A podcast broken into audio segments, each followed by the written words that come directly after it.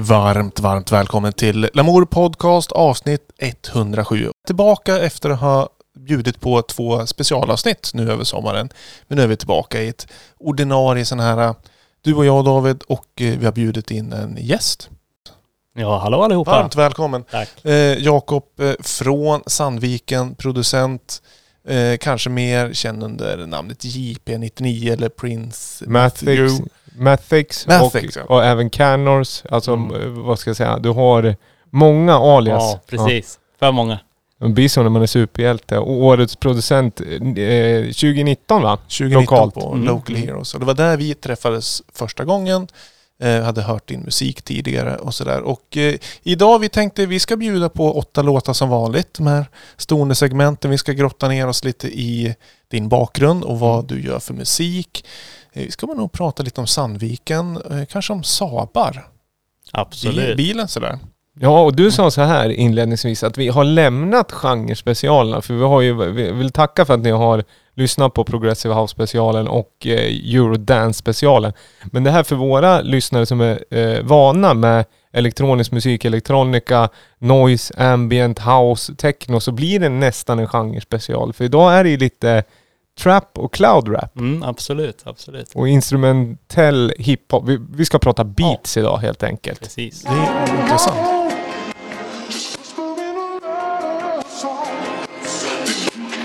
Hey Victor! Bring. Prince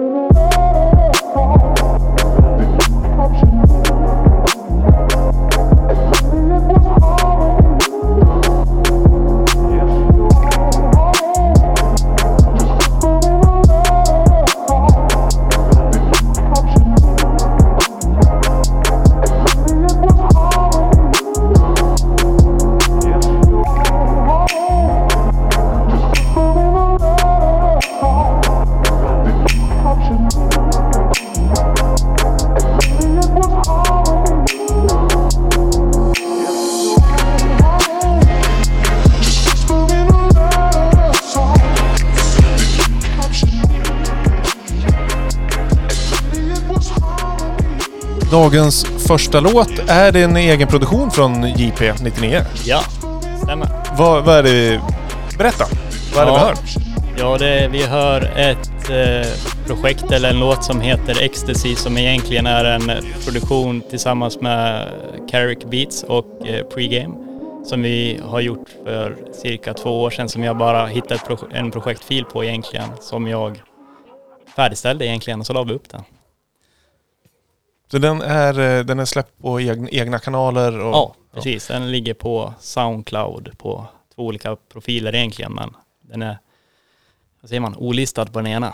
Lista, okej. Mm. Men JP99, vi ska bara reda ut det här lite snabbt, det är ju ingen eh, bilpodd det här, men det är på din eh, Soundcloud så ser vi väldigt mycket bi- bilder på Mm. Saabar. Eh, och vi vet att Saab 99 är ju ett klassiskt märke. Och när jag mötte upp dig på parkeringen så Mm. Det var, tror jag en Saab 900 det kommer. Absolut, En, eh, absolut. en kombi, eller eh, vad heter det? En eh, halvkombi? Halvsedan? Nej, halvkombi. Halvkombi, ja. Halvkombi. Eh, vad, vad, är, vad grundas det denna kärleken i?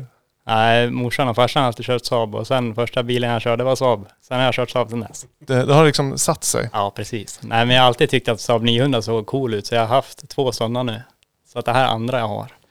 Så jag fick åka fem timmar och hämta den så att... Oj. Mm. Men är, är namnet JP99 någon eh, fromage till bilen? Nej, inte egentligen. Men nu när du säger det, det skulle kunna vara det. Kanske är det långt bak i huvudet någonstans. Det, det är ju inte den enda artisten. Vi har ju Bottenviken Silverkyrka som vi har spelat och pratat mycket om förut.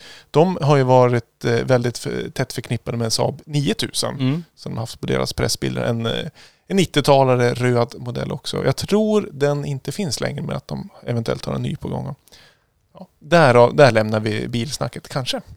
Ja, vi pratade lite om Datsun innan också, Ja. men det spelar vi inte in så det var ju tråkigt. Men egentligen vi kom fram till att Datsun eh, är nu med Nissan. Men jag vill hoppa tillbaka till just Soundcloud och sånt här. För det Mm. jag slås av när man lyssnar på dina produktioner, det är ju delvis att det är en enormt hög produktionstakt. Och så just att det finns så himla mycket gott att lyssna på på Soundcloud. Absolut. Och jag vet inte om det är...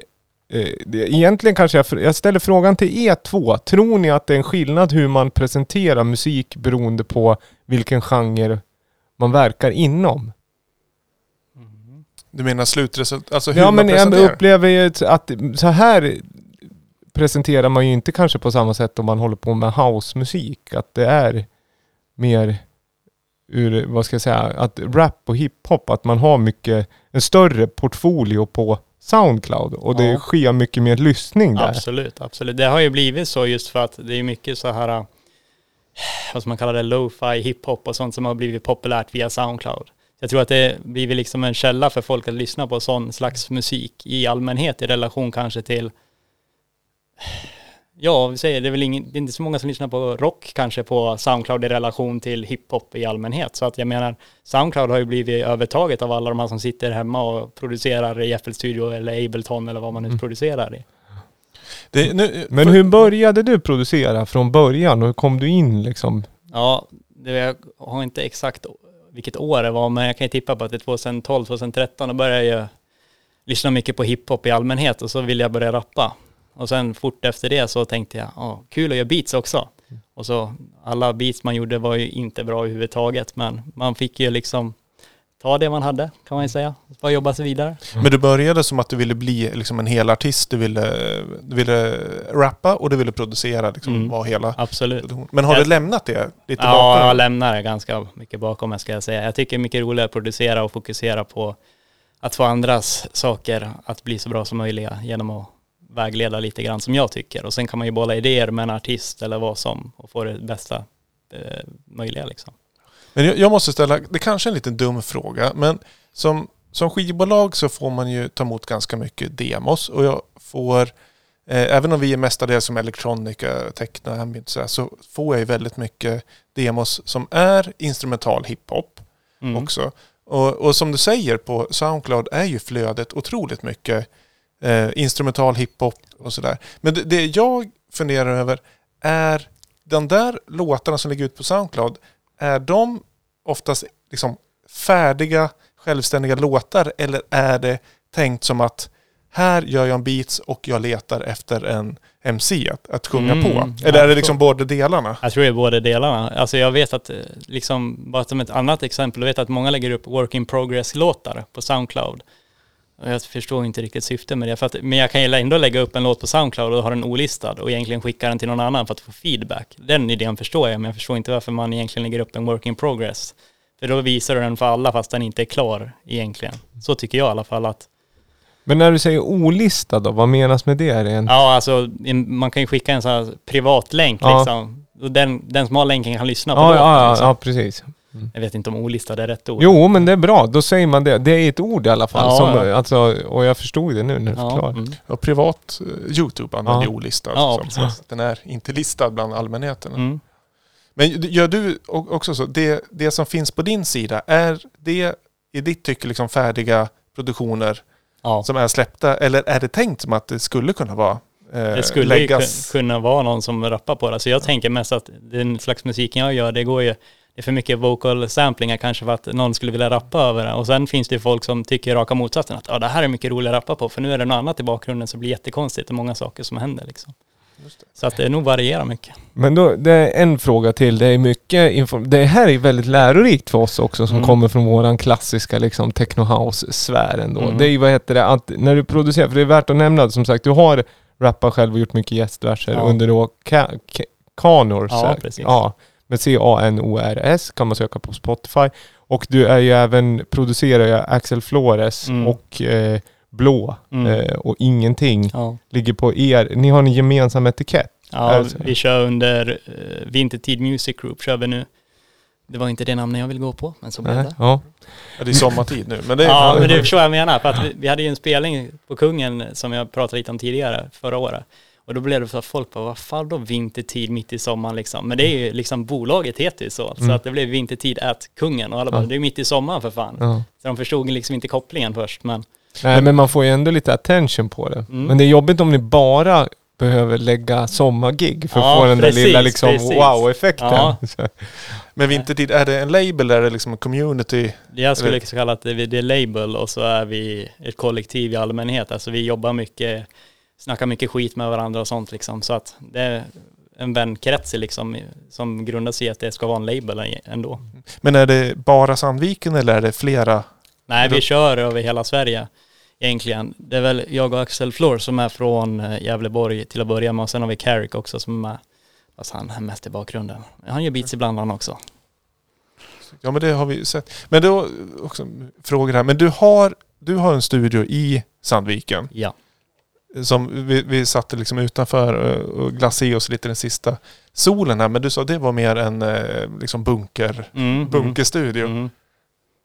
Ja, alltså det är ju liksom, det finns ju inga, det finns en dörr in och en dörr ut så att säga liksom. Det finns ju inga fönster så man, om man skulle råka somna där nere då kan man vakna upp och klockan är tre på natten eller sen tre på eftermiddagen. Det är omöjligt att veta när man vaknar om man inte kollar i vad klockan är liksom. Finns ju fördelar med det också. Ja, Så absolut. för den kreativa bubblan kan ju det vara bra. Man kommer väldigt nära det man gör. Mm. För feeling blir det vintertid man sitter riktigt länge. Ja, precis. Ska vi få eh, lyssna på eh, något mer? Ja, vi ska lyssna på lite, en låt som du inspireras av Mm. som är lite houseig. Den här tog du med för våran skull lite nästan va? Ja. Och din egen givetvis. Precis. Vi kan vi prata lite. När, när det är liksom klassisk 4-4 så här intro, då är vi trygga och snacka lite över. Ja. Ja, men, och som sagt, eh, jag ska, vi har massa, massa frågor. Men jag kan rekommendera det redan nu. Vi kommer ju också, alla låtar som finns på Spotify läggs till i Lamour Podcast Tracks-listan. Annars är det som sagt, eh, följ eh, Prince Mathix på Soundcloud så är en uppsjö av beats där och även JP99. Ja.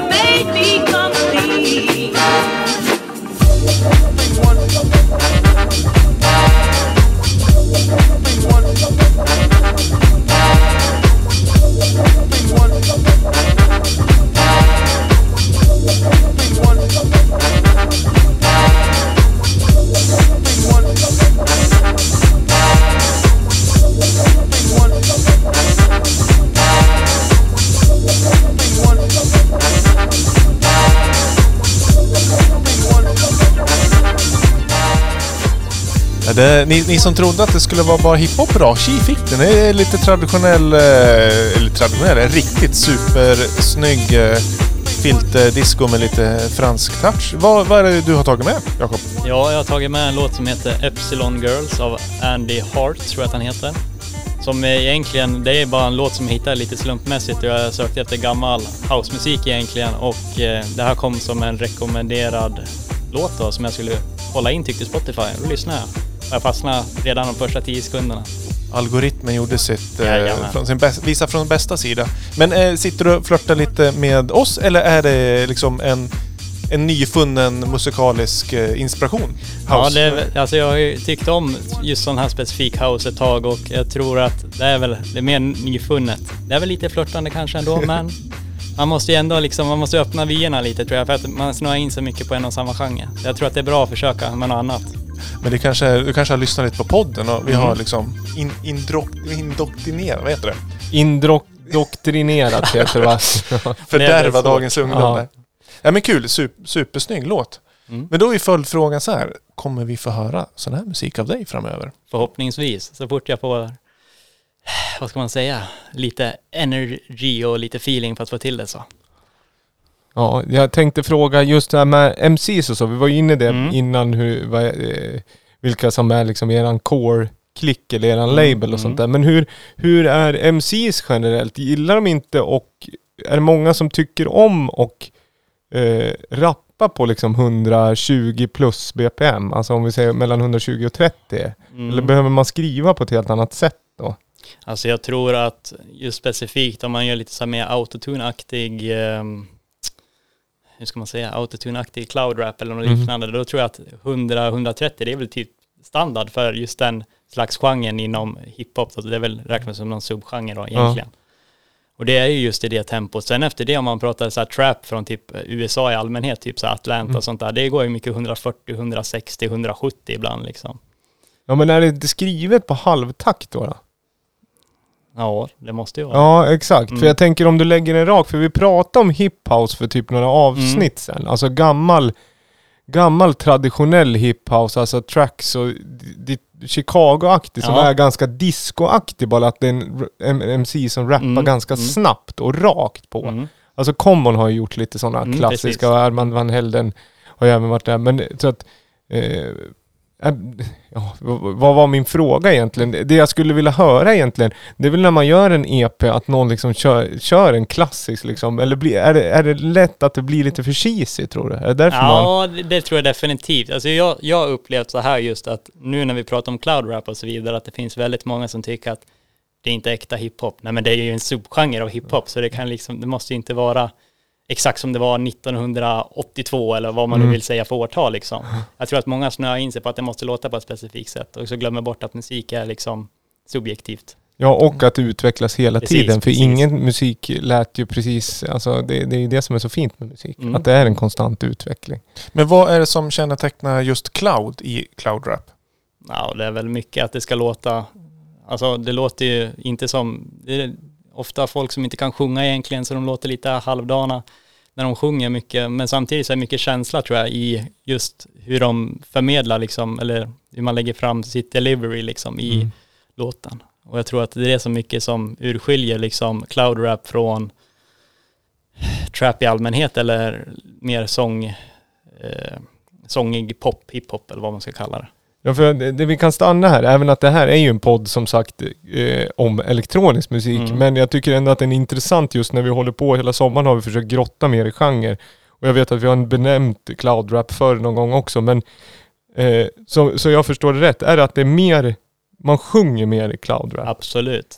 Och ljudbilderna är ju ofta ganska s- blöt, blöta. Precis, och jag tror att det är mycket fokus på själva ljudbilden ska låta på ett speciellt sätt än att det ska låta bra kanske. Men alltså det är subjektivt liksom vad som låter bra och inte låter bra, men Är det Yung Lean som är liksom urfadern av den genren, eller vem är det egentligen som är liksom? alltså jag tror att just specifikt som det låter nu så är nog Yang Lean och company där liksom, de har ju liksom lagt fundamentet för alla andra liksom att köra på det sättet. Och sen har det, finns det ju liksom folk innan Yang Lean som hållit på, men liksom, Ja, men- om man, när man nämner cloud rap, då är det väl Yang Lean många tänker Ja. på det första. Ja, och sen är väl är Cloud Rap en utveckling av trappen. Trappen känns ju lite mer farlig Mm. och klubbig ibland. Mm. Eh, Men det har ingenting med själva plattformen Soundcloud, att den lever mycket där, utan det är mer att den är liksom...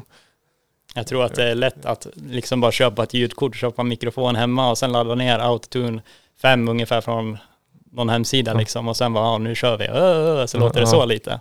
Och sen lägger man upp det och sen är det helt plötsligt är det någon som tycker om det. Det är lite så Cloud Rap låter ibland när man kollar på Soundcloud. Ja, Speciellt. men jag tror att det, det är den förklaringen har jag läst någonstans, att det kommer från Soundcloud. Mm. Att det är där epitetet cloud kommer Mm. in i bilden. Det kanske stämmer. Ja. Men jag tyckte annars att jag läste någonting om att cloud, att det är lite molnigt, att man drömmer sig bort lite. Det är inte, låter inte speciellt verkligt, inte så vi ska uppfatta musik, tycker vissa. Att det låter att man drömmer sig bort till någon annan värld nästan. Ja, men det har ju funnits stora ljudbilder innan liksom, som inte har fått epitetet cloud. Men jag förstår det. Men Ja, det ja, låter men- mer... Det, låter, det är också väldigt som du säger, det är väldigt emo oftast. Alltså det, Mm. Det är är att det är mycket- mycket känslor och... Eh, det låter lite, alltså om man ska, det är en långsökt parallell, men jag tror att den är... Jag hoppas den stämmer, att om typ The Cure hade kommit idag, då hade det varit en cloud act Mm. Alltså en, vad ska jag, en cloud act. Nej, en cloud, en cloud rap act helt Mm, enkelt. För att det är så emo och ska Mm. vara ganska så här Mm. stort flytande. Mm. Men ändå poppigt på något Mm. sätt. För det är ju pop, det är lättare, jag tycker det är poppigare melodier i cloud rap oftast än vad det är i kanske trap. Mm, precis. Men var befinner sig eh, JP99 idag då, rent genremässigt? Det du producerar eh, nu under sommaren? Ja, det är mycket liksom, vad ska man säga, säga på svenska, exekutiva produktioner. Alltså man styr mycket och säger att det här kanske man kan ändra, det här kanske, man, man styr egentligen projektet i den riktningen som eh, alla parter tycker det ska låta egentligen, istället för att det är bara en person som säger så här ska det låta och på det sättet är jag med i bilden egentligen att jag hjälper till egentligen och får det att låta som alla vill att det ska låta egentligen. Du kliver in i andras produktioner och Mm. eh, pekar lite med hela handen Ja. och, visar, krattar vägen liksom Mm, precis. Produktionen ska gå. Vad, eh, eller vilka samarbetspartner är det då? Är det liksom spritt över hela mycket... Sverigevärlden eller? Ja, just alltså när jag pratar om ex exekutiva produktion i allmänhet, då pratar jag mycket om att jag jobbar med Blå till exempel, som vi nämnde tidigare, och sen ingenting då, så Axel Floors. Så liksom, jag vet att Axel Floors, han spelar in sin EP och sen har jag ju mixat och mastrat den. Men egentligen han spelar in det i ett kök i Barcelona och sen har vi gjort det bästa av den situationen liksom och bara, ja vi har ett projekt nu så nu släpper vi det liksom. Men då har jag liksom bara sagt så här, om man flyttar det här där och flyttar det där, där så kanske det låter lite bättre än vad det gör nu faktiskt. Men är det du som har, när du gör beats till hand då, är det du som har proddat hela EPn? Nej, på Axel Floors EP, alltså just när jag jobbar med de artisterna som jag Ja. nämnde så är det mycket att jag är mer utomstående. Det är inte jag som Ja. sköter mycket av produktionerna så, men det är mer att jag liksom, jag kan ju liksom klippa upp eh, ett klart beat redan och flytta små segment Ja, okej, liksom ja. och sånt där. Och säga så här, det här kanske låter bättre om det ligger Mm. på den här delen istället för den Mm. liksom. Men då får du liksom hela projektet med de olika spåren Mm, och precis. vocals. Och Precis. liksom. ja, men skönt, sån skulle en person skulle man ju behöva känna. När man har ett halv, inte halvfärdigt, men så här, ett projekt som man tycker är bra men man vet det liksom inte riktigt. Det är något som fattas. Mm. mm. Då skickar man till dig och sen så choppar du upp liksom. Ja, trolla lite. Det tror jag är helt rätt och väg att gå i denna bransch. Framförallt du, du är eh, ung och det är bra ja, väg att gå. Jo men det är bra väg att gå det där tror jag. För lär man sig den där workflowen och den skillen tidigt, då tror jag att man har igen det. Mm. Annars kan det kan bli för mycket att man sitter och gör sin egna grej hela tiden Mm, och precis, inte tar in precis. eh, input utifrån. Vi ska lyssna på en eh, låt, eh, Prince, Prince Mathics låt som heter Dreaming. Mm.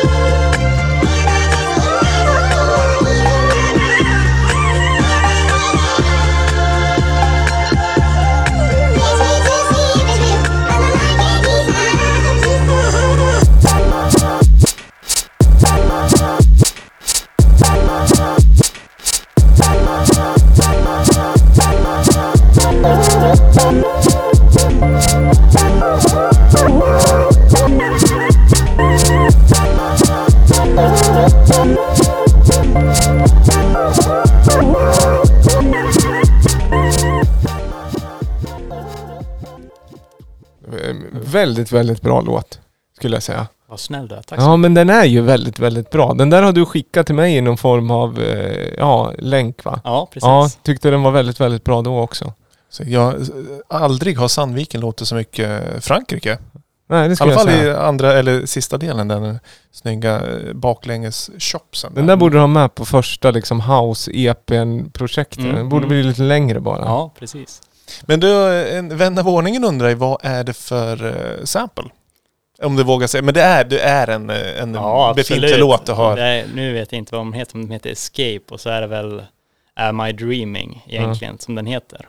Men jag har ju liksom, jag har gjort, använt den samplen tre olika gånger i princip på Soundcloud själv. Så att eh, jag har bara försökt göra någonting som jag inte brukar göra och det är egentligen att jag bara loopat ett segment i den låten som jag tycker att ja, jag kan väl loopa och så filtrera lite grann ungefär. Helt, men det är det som är grejen. Hitta en snygg sample som funkar, lägga bra bit och eh, Mm. filtrera upp ner. Och sådär. Eh, om man ska hårdra det lite. Men Mm. supersnygg då. Men vi, vi pratade lite innan som eh, just det här med sample och eh, ett arbetssätt som är så naturligt självklart när du berättar men som var en liten eh, ögonöppnare för mig. Det är att eh, om, säger, om jag skulle göra instrumental hiphop eller vad som helst. Mm. Jag skulle börja med att lägga ett beat och sen lägga en sample på det. Mm. Men du gör tvärtom, att du tar först, letar reda på en sample, choppar upp den och sen lägger biten på. Mm. Och det är ju skitnaturligt för då blir ju bitet Precis. direkt i liksom funkig samklang med samplen Mm, istället mm. för att liksom hålla på och leta en sample som ska försöka passa till Mm. ett, ett ganska stolpigt beat som jag Mm. tyckte var bra själv. Ja, alltså idén var ju bara att liksom, jag ser att alla på, liksom, när jag skulle lära mig egentligen att shoppa och sånt där, det var att många körde liksom, ja vi lägger trummorna först, men jag, liksom, jag tycker det är mer naturligt att man egentligen hittar, och, som du lägger fram, det, liksom bara hur samplen ska låta, hur ska man klippa den och så vidare. Och egentligen så kan man ju klippa segment ur en låt där det finns trummor redan, så kan man bygga upp takten med hjälp av trummorna som finns på samplen redan och sen lägga trummorna över det egentligen bara för att få en liksom, funktionell grund. Då vet man att det kommer groova rätt sen liksom, när man lägger på trummor på det. Jag tror att det är mycket smidigare än att göra tvärtom faktiskt. Det, det låter ju helt klart. Jag, jag måste testa den arbetsmetoden. Mm. Det kanske är att alla gör så och inte bara jag som har missat. Nej men jag tror att det kan vara, eh, som sagt nu har jag aldrig proddat hiphop men jag tänker att det är naturligt om man gör hiphop men sen att vi kan komma från ett kanske mer elektroniskt DJ, du vet rakare Mm. perspektiv från början. Så då vill man ha ett helt rakt liksom house eller techno Absolut, groove och så börjar man bygga från det. Problemet är ju det att då måste man ju hela tiden liksom, man måste ju kämpa till sig funken istället för att Mm. funken är där från början Precis. och så bara, så bara liksom fyller man i den på något sätt. Men jag tyckte att just det du sa nu stämde ganska bra, men på det sättet att jag gjorde den här house-låten, eller vad man ska kalla det, vi spelade nyss då. Ja. Den är ju som du beskriver, att man har lagt trummorna egentligen först bara få upp tempot som jag vill Ja. ha och sen bara lagt samplen och egentligen stretchat den Ja. så att det passar Ja. eh, grooven som är redan liksom. Vad sitter du i för DAV när du jobbar? Jag sitter i många olika, men just när jag gör beats så blir det FL Studio Ja. och sen Ableton ibland när jag har försökt göra lite mer så här egna melodier och grejer. Ja. Liksom jag tycker att det är mycket lättare i Ableton, men jag tycker att det är jättelätt att klippa upp samplingar i FL Studio. Men sitter du sitter du och klipper i FL då eller liksom lägger upp som någon slags så NPC? Ja. Sitter och spelar live med? Alltså det finns ju en plugin i, i FL Studio som heter FPC egentligen och så jag har gjort en egen eh, preset alltså där allting är länkat till mitt tangentbord på datorn egentligen. Så att jag egentligen, det jag har gjort då är att jag har en envelope på alla liksom pads så att den egentligen, det blir en cut-off automatiskt. Så när jag slutar spela på en pad då kan jag börja spela på nästa Ja. direkt. Så jag bara hoppar vidare, vidare, vidare Ja. tills jag hittar det jag vill ha. Istället för att det blir det här typiska hacket som man kan Ja. höra ibland i instrumental hiphop i allmänhet. Ja. Jag tror Ja, det att blir som mycket någon snyggare. form av slicing Ja, liksom, precis. men med schysstare eh, Mm. envelope. Mm. Smart. Men det har du liksom gjort ett preset som du har. Mm. Som du alltid kör på tangentbordet. Ja, jag har provat kört. Jag har kört MPC 2000 XL, jag har kört MPC 1000 men jag tycker att jag gör mycket bättre beats i FL Studio, då håller jag mig till det också. Det är ju det är bra ändå. Det- Jag blir glad när man hör så här gamla metoder fast med förfinade tekniker som Mm. låter jävligt bra. För man, är också, man måste också bli... För det är ju på ungefär samma sätt. Alltså man Ja. slicear upp, man spelar det. Men man måste också tänka på hur liksom jobbigt det där måste ha varit förr i tiden. Mm, Om man tänker liksom, när är, vad heter det, första Prodigy-skivan? Kan det vara 90 91? Ja, Jag sitter och gissar lite. Förstår du, gör det där då, när du inte har en dator. För den är ju gjord på det sättet Ja. liksom. Med mikrosamples liksom. Det är Landa ju- på diskett i en stor sample. Ja, 300 små ljud. Ja, skitroligt. Hatten av för Liam Howlett då. Men vad heter det? Nej men det där är intressant. Men Ableton då, då kan man, har du det? Men det gör du, då gör du melodier och importerar i FL sen då? Eller? Alltså egentligen så här, jag tycker att Ableton är jävligt schysst om man ska göra så här egen instru eller instrumentell trap tänkte jag säga, men liksom trap beats i allmänhet tycker jag att det är lätt att egentligen bara dra upp Omnisphere till exempel och så kör man en liten melodi där och sen lägger man lite trummor i Ableton och så har man ett beat liksom. För det finns ganska många enkla liksom VSTs liksom som är redan inbyggda med program med. Ja. I relation till FL Studio har de inte så mycket som låter jippi jippi, men det går ju att använda för att jag har använt det så mycket så att jag vet ju vad jag ska vända mig hela Mm. tiden. Vad kostar FL nu? Ja, vad kan det kosta? Jag tror att, jag vet inte om Starter Edition kostar 800-900 kronor. Ja, det är så alltså. Men visst har, för jag, min karriär, den började också med FL. Mm. Eh, satt bra länge. Och det var ju först när Ableton kom som jag kände att jag hittade ett annat program som Mm. jag hade någorlunda samma workflow i. Men den har ju, i vissa kretsar har den otrolig creddig men den överlag så är den lite okreddig sådär. Mm. Eh, är, är, jag vet inte vad jag menar med det men det Ja, är, men det tror inte jag. Alltså, inom hiphop är den ju stor och även inom elektro... Alltså vad ska jag säga? EDM är ju FL-grejer Ja, liksom. precis, precis. Avicii körde väl alltid FL. Mm. Alltså eller FL och Logic va, kanske Ja. lite. Men ändå FL i grund och botten. Jag tror att det är mycket så här creddig house och techno som blev liksom Ableton. Ja, precis. Och det, det- tror jag, ja. det tror jag också. Medan mu, det är ju också så här om du håller på med pop eller liksom, Mm. de, då sitter man ju generellt sett i Logic. Sen har ju Logic den fördelen att det är ju det programmet som egentligen är mest prisvärt. Mm. Alltså du får ju mest för pengarna liksom. Men det är ju för att Apple kan tjäna sina pengar på lite andra Precis. ställen också. Nu kanske jag är lite ful här, men då kan jag nämna mitt favoritdag egentligen när jag håller på med inspelning och sånt. Då håller jag med till Reaper och det är många som tycker Reaper är för jävligt. Men jag säger det, Reaper, alltså jag gick från Cubase egentligen när jag håller på att spela in mycket före till Reaper och det var som det här är mycket bättre än Cubase tycker jag och det kostar ju ingenting liksom. Det kostar typ bara 60 dollar för en licens. ja, det, när man väl har, det är alltid svårt att sätta sig in i nya Ja, program precis. och allt är ju krångligt för man tycker Precis. att det borde sitta knappen där och där. Men Mm. har man suttit lite med men Reaper det kostar, för det var väl gratis program från början? Ja, jag tror det, men nu har de ju en sån här testperiod på 60 dagar och den testperioden tar ju egentligen aldrig slut. Du får ju bara pop-up att nu ska jag fortfarande prova program ungefär. Men ja, så kände jag att det var lite snålt faktiskt, så jag köpte det istället. Så jag har en riktig licens på det i alla fall. Det kan vara lite tryggt också kanske, Ja. lite support och sådär. Ja, Vi ska spela lite musik. Nu hoppar vi liksom mellan ämnena. Vi ska spela Davva presenterar förmodligen en classic. Vi har ju berört klubb lite och house. Det här är en gammal låt. Oh, Den är ganska rak. det, är det Van Hellens?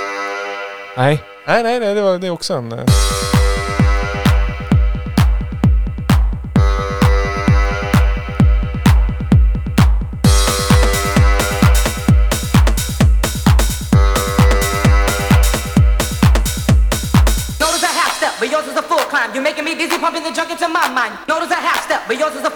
making me dizzy, pumping the junk into my mind. Notice a half step, but yours is a full climb. You're making me dizzy, pumping the junk into my mind. Notice a half step, but yours is a full climb. You're making me dizzy, pumping the junk into my mind.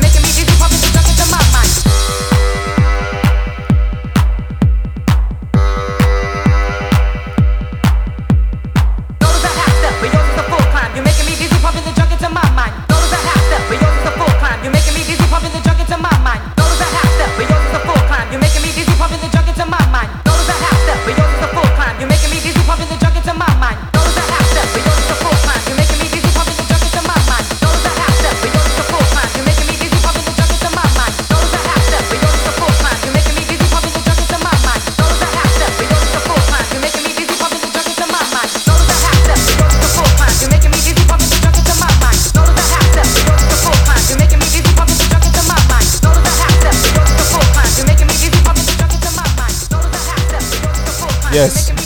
Du bjuder på lite, eh, vad, vad kan det vara, 94-95 eh, klubbmusik. 95. Disco, nej Clubheads disco hopping. Nej, Club Hopping med Club- Club Heads Extended. Den, eh, den har gått varm på fritidsgård i Hågaström i alla fall. En gång i tiden. Ja, kan jag tänka mig. Det, jag, det, jag, jag Var det en ju först vattendelare? Mellan oss. Nej, Eller- på vad heter det, fritidsgården? Nej, det var det inte. För det här var den som man körde på slutet när de lite tuffare kidsen var kvar som kunde tåla lite. Ja, jag kan tänka mig det. Det här är lite, den står ju på lite mer. Mm. Men den, eh, den låter ju väldigt lik eh, tids eh, eran där eh, Up to No Good med Pawn Kings och eh, till viss del även eh, Wild Child. Renegade Där- Master. där ja, lite liknande uppbyggnad. Men det här är holländsk sa du? Två Ja, det är ju, vi ska inte orda för mycket. Det är också för dig Jakob. Det här segmentet är ju att jag ska spela någon gammal klubb Ja. eh, hit och så ska jag ställa mig, är det förmodligen en classic? Mm. Mm. Eh, och oftast så handlar ju det om att jag vill eh, plocka upp någon sån här låt som jag tycker är så jävla bra och bli så peppad av. Och framförallt gillar, bli peppad av att spela när man DJar. Det här är ju eh, energi. Mm. Men nu, du som är lite yngre, du var inte född när den här låten kom. Hur, hur känns den här 2020 för dig? Och det känns som att det är någonting, om man, vi säger, vi pratade om Soundcloud tidigare, det känns ju som att den här slags musiken också har kommit tillbaks lite grann faktiskt. Kanske inte i samma liksom på det sättet som liksom hur trappen lät i Memphis typ 90 på 90-talet. Den har ju börjat komma tillbaks det är väldigt mycket via Soundcloud och så vidare. Men samtidigt tycker jag sån här musik hörs ju li- nästan lika mycket på Soundcloud också om man bara går in under typ house eller old school house eller Ja. vad man nu söker på för tag liksom. Men känner, är det den lite sunkigare delen av housen då? Eller är det liksom den som ligger på topp 10, topp 100? Det kanske inte ligger i topp 10 för alla, men jag tycker att det låter, låter ungefär som det ska låta tycker jag. Den har sin eh, plats i en podcast sommaren 2020 då. Men- Absolut. Ja, vad bra. Min, min spaning kring det här är ju att det ofta är ju eh, mycket av den absolut största dansmusiken, alltså om man kollar typ business techno eller Mm. EDM, är gjord för så extremt stora arenor och Absolut. extremt stora ljudsystem. Medan sån här musik eh, är ju lite mer ruff liksom. Mm. Så det här funkar tycker jag att spela på ett ganska rassligt PA också. Och du Mm. liksom ändå får igenom energin istället för att spela liksom så här premium techno som är ganska, kanske stor i ljudbilden, att det är någonting i rummet som saknas. Men det här är ju, det här skulle ju i stort sett liksom det här kan du ju spela i en bil eller när du joggar. Den, den funkar mer, energin är mer konstant i sån här musik och inte så beroende av en viss liksom setting. Nej, precis. Jag tycker ändå det är lite, lite, det är väl lite unikt på ett och samma sätt. Om vi sitter och bara kopplar till hur EDM låter idag, så är det ju väldigt unikt i relation till det i alla fall. Ja. Ja, Men EDM har blivit väldigt, väldigt... Eh, eh, men den, den har ju blivit väldigt, väldigt dynamisk. Ja. Att man liksom hela tiden vill ha en peak och ett dropp och man Mm. jobbar med dynamik väldigt Mm. mycket. Och melodier. Ja. Här jobbar man ju mer med Upprepning. upprepningar. Ja, Precis. sample. Och det är konstigt att benämna en sån här låt som minimalistisk, men på ett sätt så är den ju minimalistisk i, absolut. i liksom relation till eh, modern klubbmusik. Kul. Det, vi brukar ge betyg i, ja, i relevans. Alltså hur relevant var det? Du får en- fyra. Det var lite, den var, för, för mig var den lite eh, för välkänd. Okej, den var för välkänd. Ja men den, den var bra, jag gillar den. Men det, var, det skulle kunna ha kommit med eh, Renegade Master också. Den, liksom, den här är inte lika känd men Ja men man kan, Renegade Master och Up to No Good är ju liksom, de är för, det är liksom, jag kan inte ställa mig förmodligen en classic. Det är de ju, det vet man ju. Den här det, är, här är också, det här är ju också en Ja klassiker. men då är det det. KN Grönveld som han heter, ena halvan av den här duon är ju ytterst känd och är ju även apropå så här samplad house, den här Say Say Say, High Tack har jag ja hört just också. det. Eh, vad heter han? Eh, Beatles-medlemmen och Paul Jackson. McCartney. Just det, just det. Eh, precis. Men den är ju tio år senare. Det måste ju vara från 2005 istället då. Ja det måste nog vara Ja.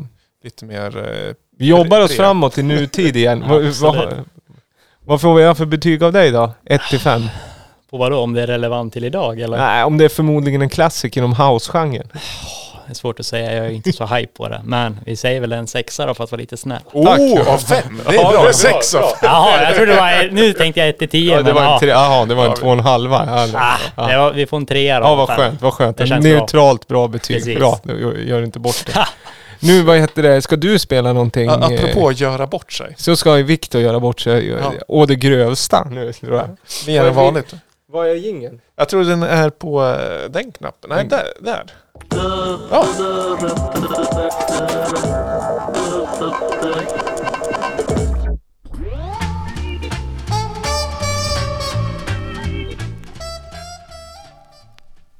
Nu kan ni få ett nytt slags färskvaror hos oss. Toppskivorna för dagen. Köp dem i vår nya skivbar.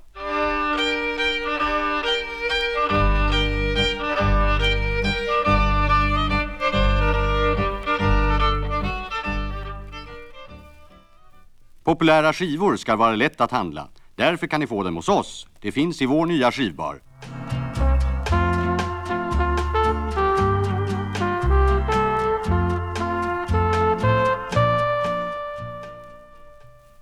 Gillar ni Tio i topp? Skivorna finner ni hos oss. Köp dem i vår nya skivbar.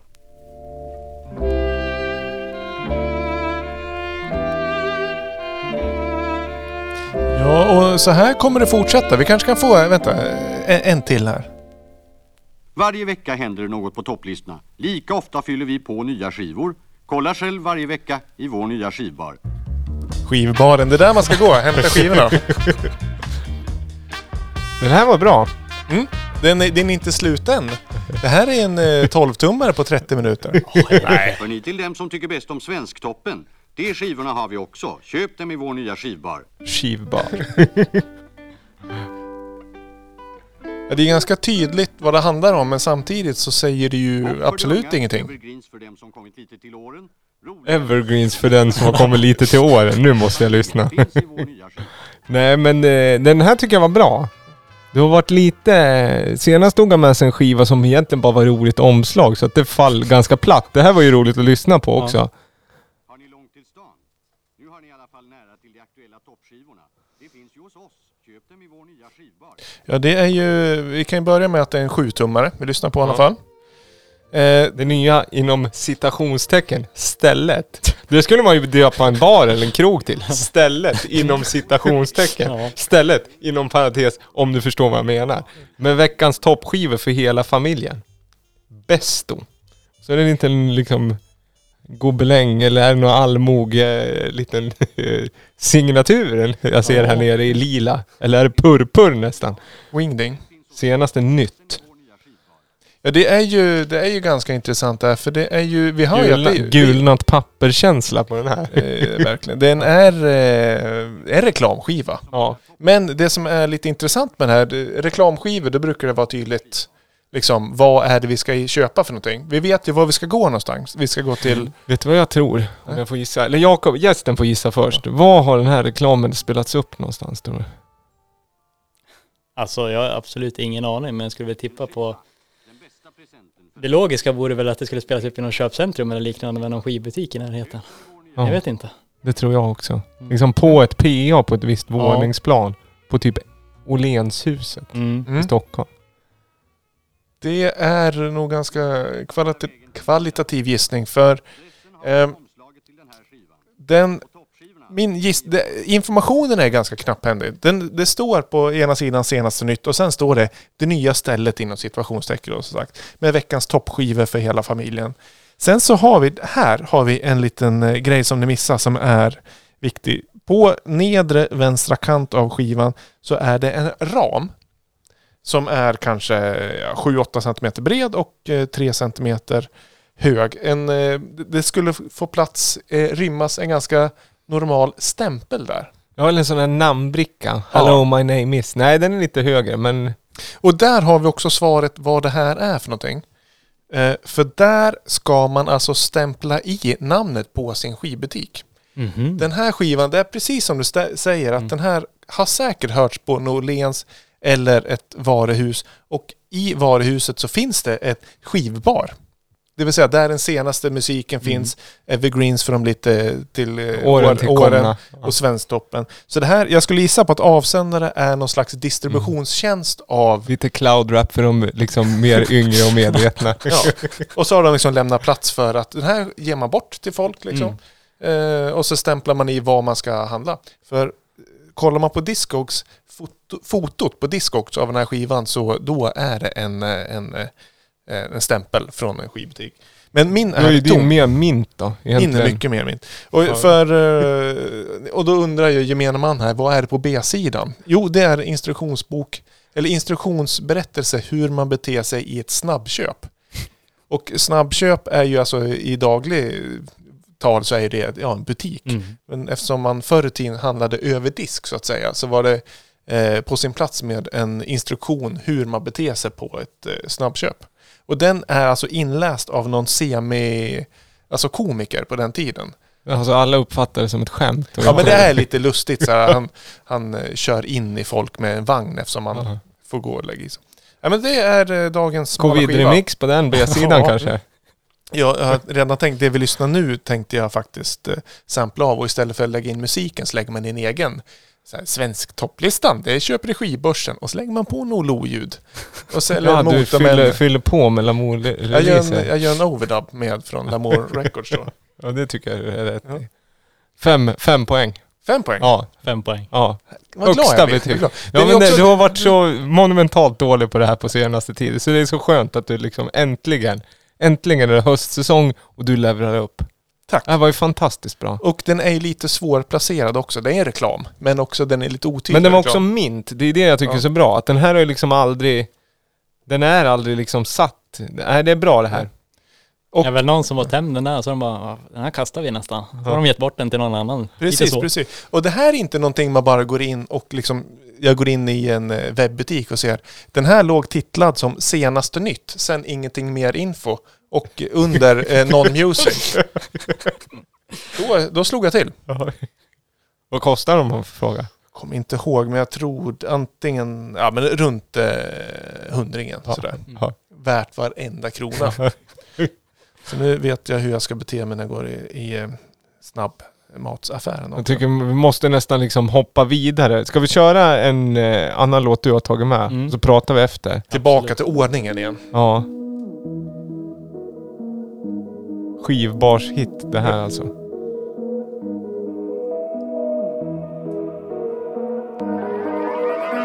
I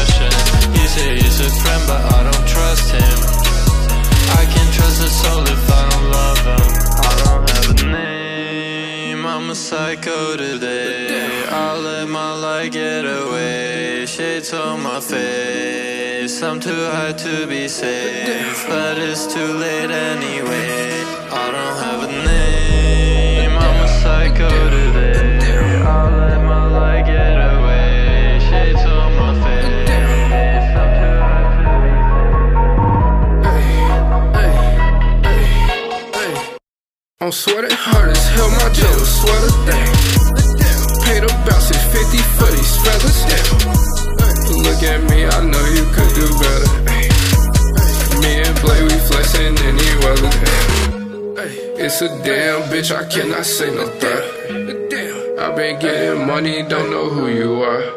If you see us, know we west us from afar. Me and Blake, we down south riding foreign cars. When you talk to me, little bitch, like I'm a sergeant. You think that is your bitch, but that bitch, she died. I can't say no thought because I'm money plotting. I don't answer doors unless the money knocking. I rip my white three shoes, fuck it, they beat the walking. I don't want your bitch, but your bitch, she be stalking. We be flexing, bro, niggas, please, we is not them. I'm wearing coming modular, this shit disgusting. I just want them red bottoms like they is blushing. I don't want that bitch, I guess I fuck for nothing. I got a girlfriend curving bitches like I'm parking. I'm ballin' so damn hard, just call me Barry Larkin.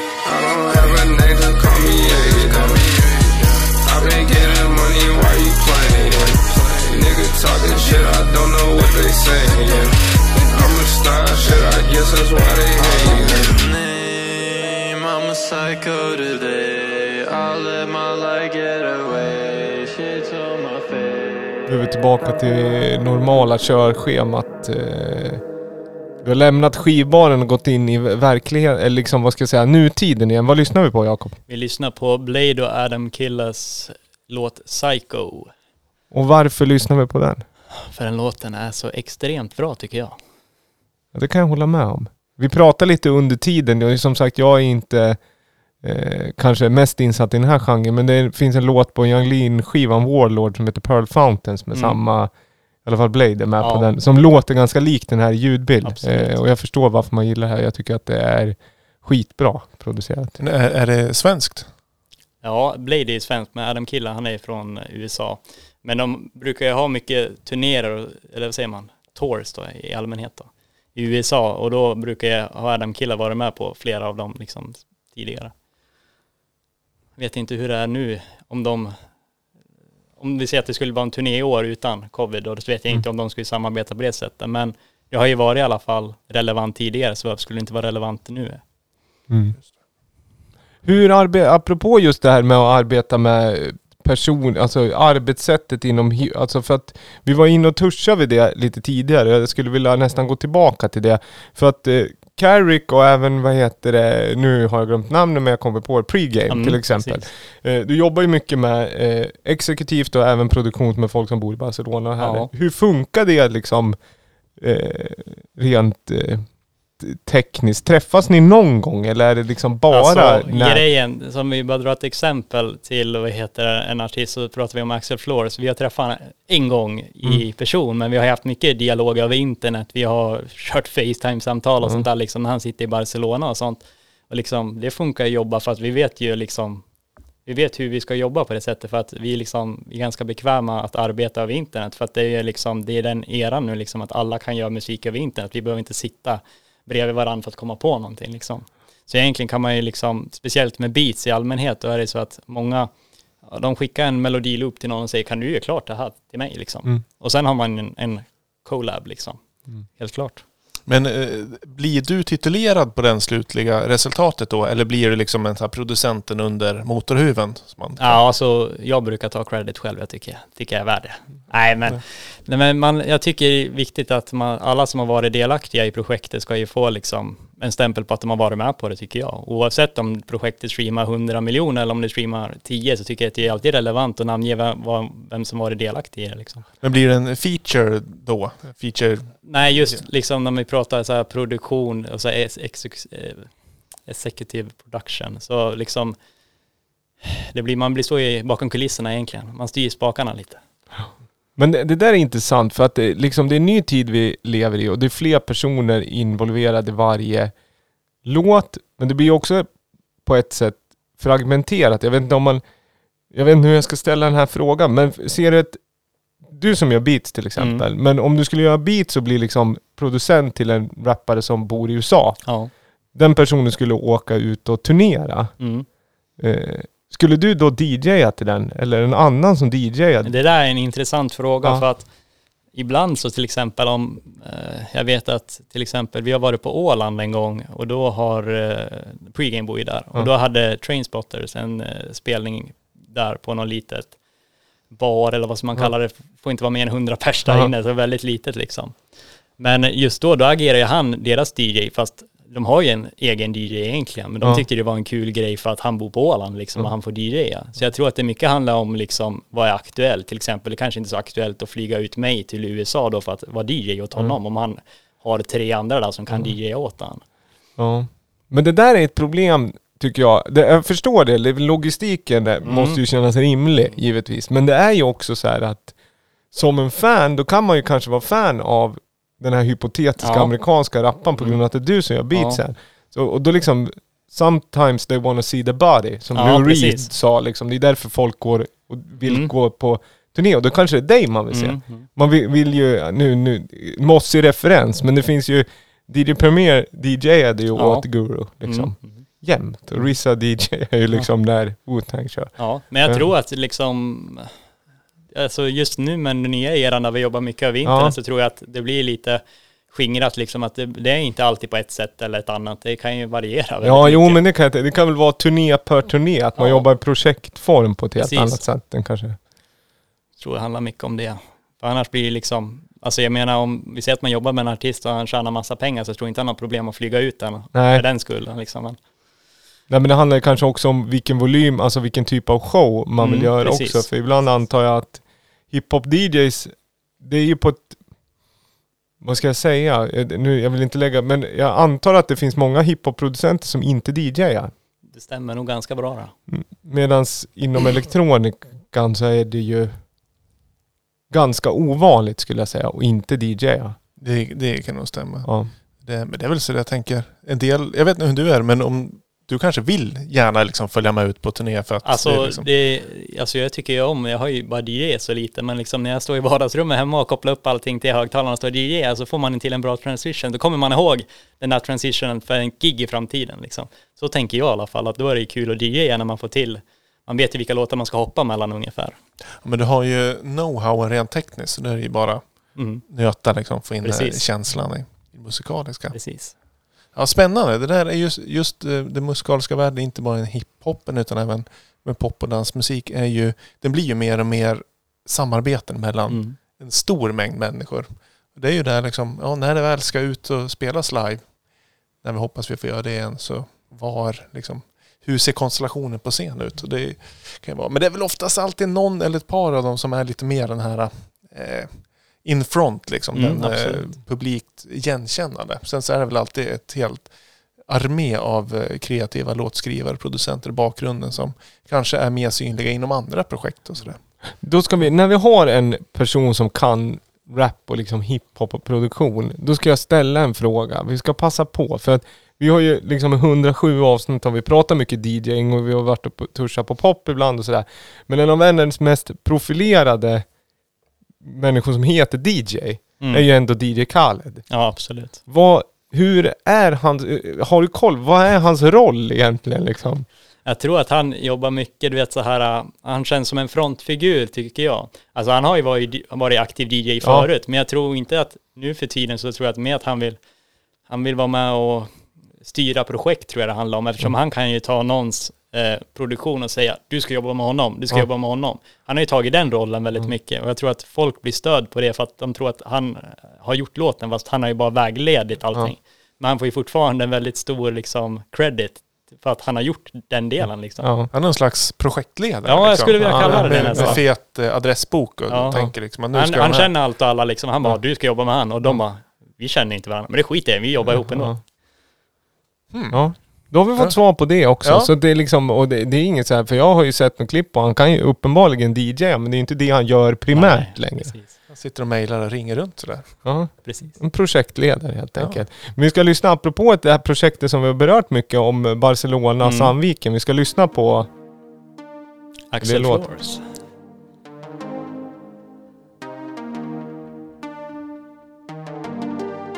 Blue soul going crazy. Soul going crazy. Goddamn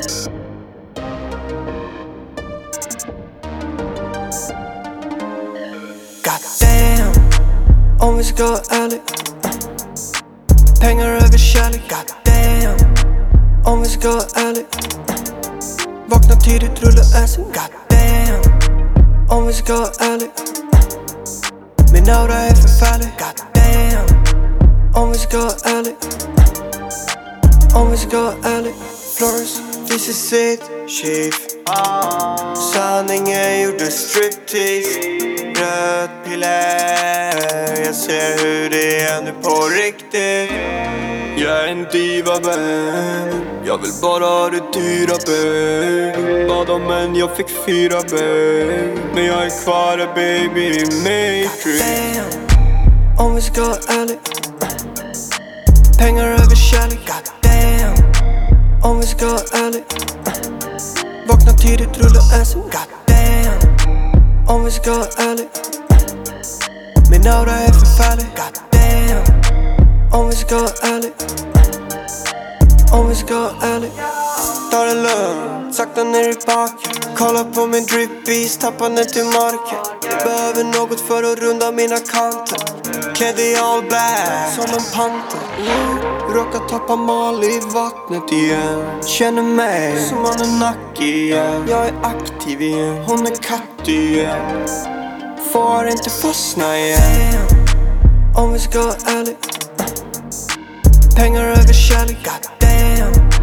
Om vi ska vara ärlig Vakna tidigt, rulla assen, god damn. Om vi ska vara ärlig Min aura är förfärlig, god damn. Om vi ska vara ärlig Om vi ska vara ärlig, god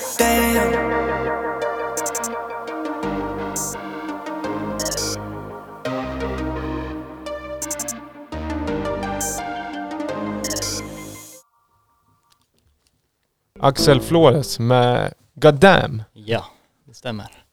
Som du har exec executive producer. Ja, eh, precis. ja, Mixa lite och sånt Ja. där, flytta runt saker lite. det låter krispigt. Från EPn som heter, En sommar till. ja, som släpptes i somras va? Gjorde den det? Gud, jag har ingen aning. Jag skulle tippa på, I våras? Ja, Ja. maj skulle jag tro. Det var senaste releasen när jag var inne på Spotify och kollade på Axel i alla fall. Det var en solig dag så det kändes som Ja. sommar Mm. då. Men Axel, han bor i eh, Barcelona nu. Ja, men det- är från Sandviken från början. eller? Han Gävle till och med. Mm. Du, jag tror det. Jag är inte hundra. Men jag vill säga att han är från Gävle. Det känns bra. Nej, men han har bott i Gävle och varit i de kretsarna förut. Liksom när vi började jobba då var han i Gävle liksom. Och över vintern han var i Barcelona. Och nu på grund av den nuvarande situationen vi har så bestämde sig för att vara kvar i Barcelona helt enkelt. Hur är Gävles hiphop-scen, eller Gävle-Sandviken generellt? Ja, alltså nu om vi pratar för tio år sedan då skulle jag kalla det aktivt. Nu skulle jag inte kalla det speciellt aktivt längre. Nej, för det, det är därför lite du är här också. Det är för att jag upplever som ändå har, vad ska jag säga, följt liksom lokala musikscenen väldigt Mm. länge. Att vi har nog, nu, jag ska inte liksom sätta dig på någon piedestal, men jag har aldrig märkt någon så liksom, vad ska jag säga, framstående producent och produktiv producent inom hiphop-genren från det här området. Men samtidigt känns det som att, vad ska jag säga, lokalt så är inte scenen Nej. så jättetydlig. Nej. Alltså Eh. jag tror att det är många som håller på, men jag tror inte att det är så många som...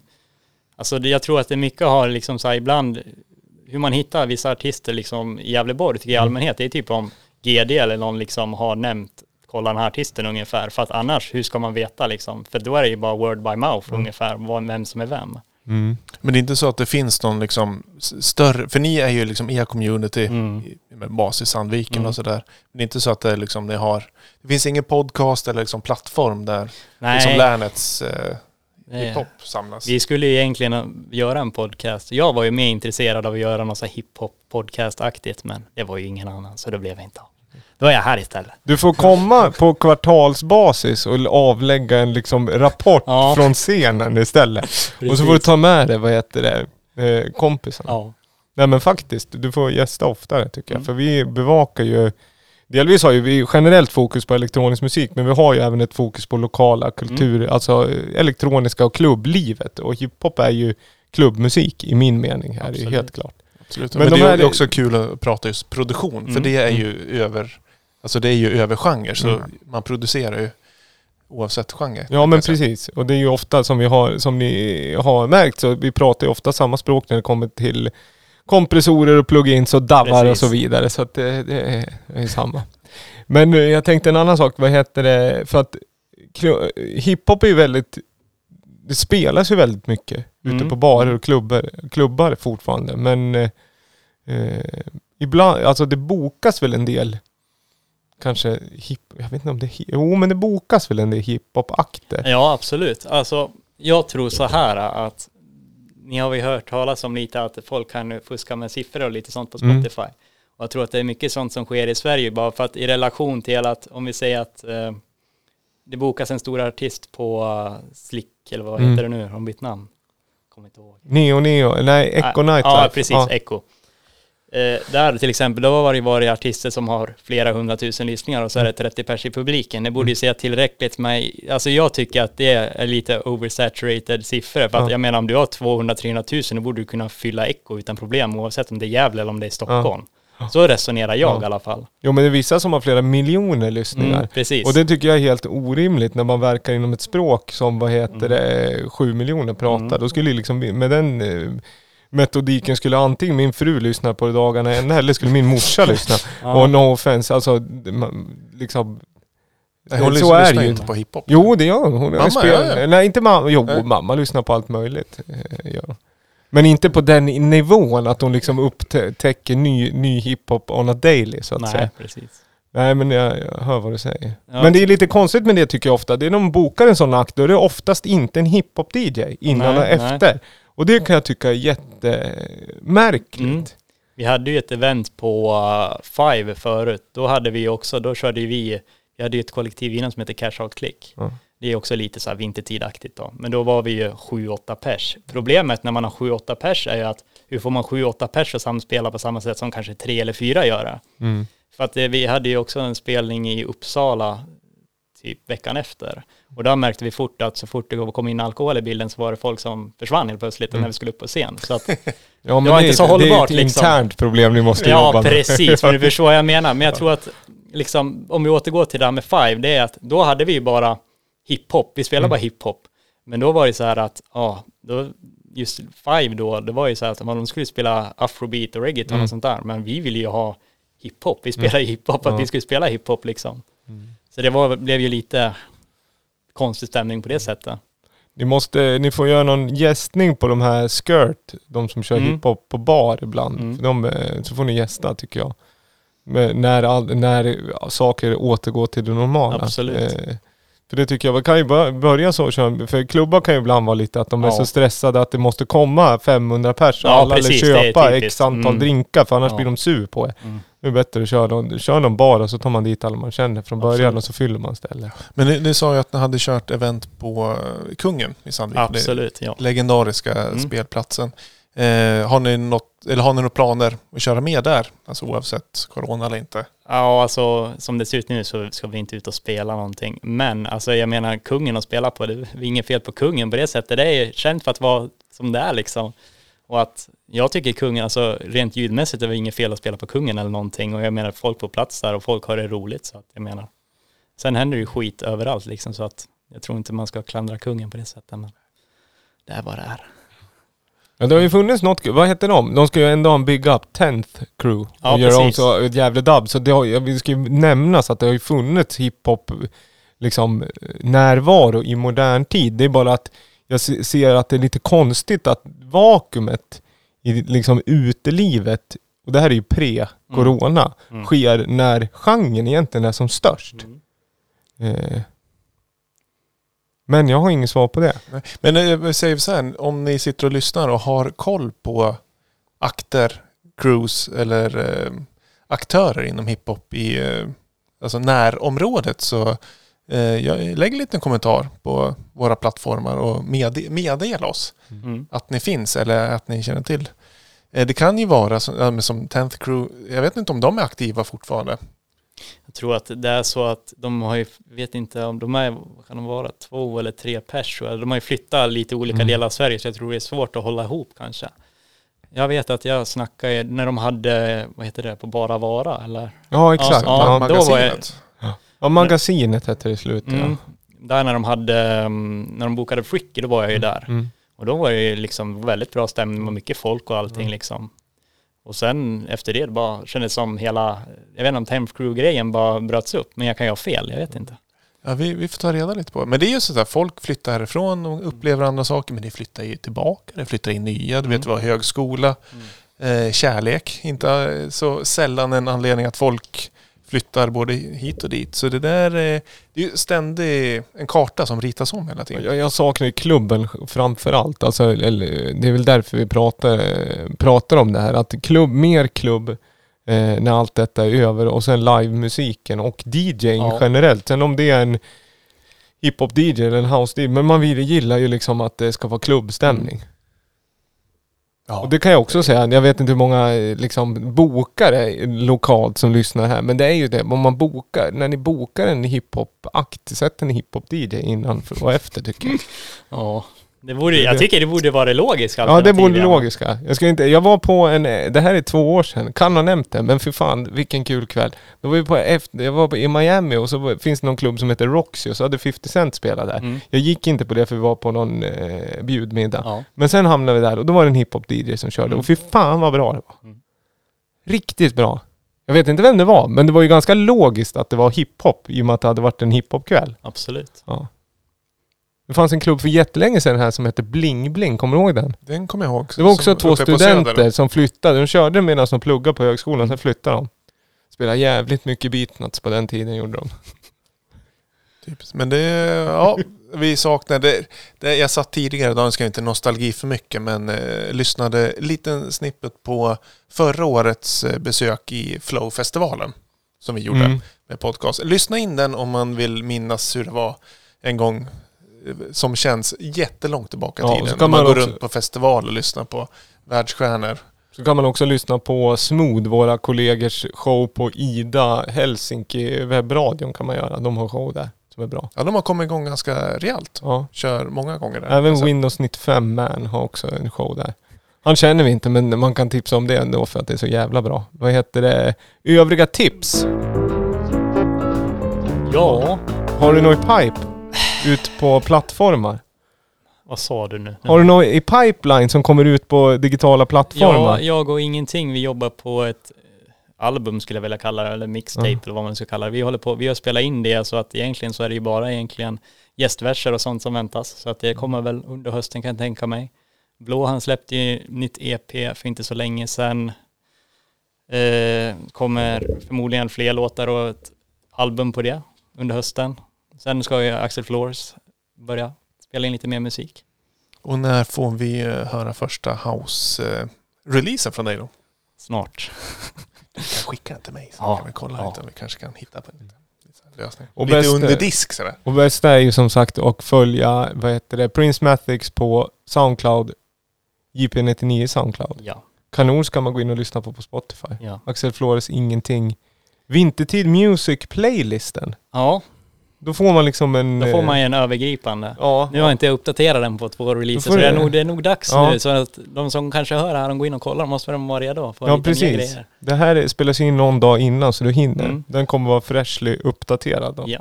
Och vill man se hur din studio ser ut ska man följa Instagramkontot Vintertid Production? Nej, Vintertid. Vad heter Ja, men sök Vintertid. det Vintertid jag. Music tror jag eller något sånt där. Ja.